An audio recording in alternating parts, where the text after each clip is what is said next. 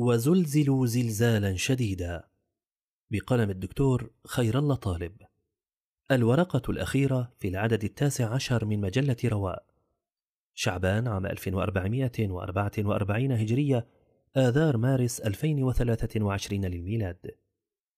في معركة الخندق اشتد حصار أحزاب الكفر للمدينة المنورة وجاء العدو من فوق ومن أسفل واشتدت الريح والبرد والظلمة حتى ما يجرؤ أحد على الحركة فزاغت الأبصار وبلغت القلوب الحناجر وساءت ظنون المنافقين بربهم. هنالك ابتلي المؤمنون وزلزلوا زلزالا شديدا. وانكشف فريق من الناس فقال المنافقون ومن في قلوبهم مرض ما وعدنا الله ورسوله إلا غرورا. ولاذ أناس بالفرار متذرعين بالوهم. ناسين أن الفرار لن ينفعهم من الموت أو القتل. وأخلفوا عهد الله الذي سيسألون عنه.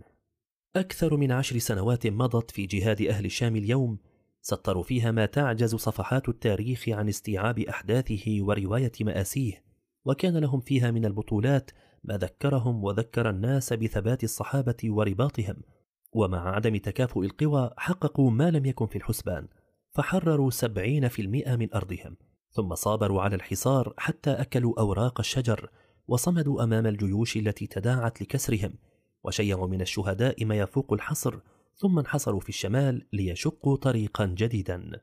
في الشمال بدأ الناس من الصفر صناعة الحياة من جديد في ظروف التهجير القسري وشدة العوز وتنوع المصائب وهشاشة البنية التحتية وندرة فرص العمل.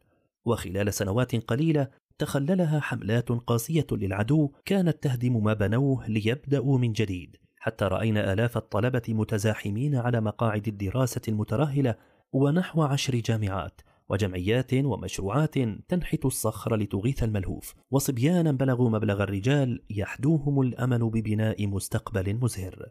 ومع شدة حرارة القضية في النفوس فإن ثمة من تسلل إليه اليأس بسبب استطالة الطريق وغياب القيادة وفقد التوجيه وكثرة الخلافات وتنامي الفساد وشيوع الفقر ونشاط تجار الأزمات من جهات مشبوهة وفصائل مصنوعة تنخر في هوية الشعب وفطرته. ويجيء الزلزال الأخير بمآسيه وآلامه وكوارثه على أهل الشام حلقة ضمن تحديات جهاد طويل ويهب الناس من جديد للإنقاذ والإغاثة وتدب الدماء في العروق اليابسة وتتلاشى أمراض القعود ويغسل الزلزال ما في قلوب الصادقين من غل ويكتشف الناس طاقتهم المخبوءة التي ما فطنوا لها وهم ينتظرون العالم. فأدرك العاقلون أن الزلزال أعادهم إلى موقع المبادرة التي لا تنال الحرية إلا بها وأحيا فيهم الإيجابية التي لا تحرر الأوطان بدونها وجمع قلوبهم التي لا انتصار دون ائتلافها وفضح الأدعياء الذين لا تستقر الأمور دون انكشافهم وعسى أن يجتمع العقلاء حيث لا تقاد الأمم دون اجتماعهم. لقد أجلب الزلزال على قضية أهل الشام زلازل أكبر منه بممالأة عدوهم بالمساعدات لكن الزلزال ذاته أوجد فرصا جديدة للعاملين فجدد لأهل الشام آمالهم. وإن المبصرين ليتراءون أعمدة النصر في سورة الأحزاب فيجدونها في ثلاث ركائز. أولها الثقة والتصديق بوعد الله. ولما رأى المؤمنون الأحزاب قالوا هذا ما وعدنا الله ورسوله وصدق الله ورسوله وما زادهم إلا إيمانا وتسليما. ثانيها صدق العزم على المضي إلى آخر الطريق أو آخر رمق. من المؤمنين رجال صدقوا ما عاهدوا الله عليه فمنهم من قضى نحبه ومنهم من ينتظر وما بدلوا تبديلا. إنها إحدى الحسنيين.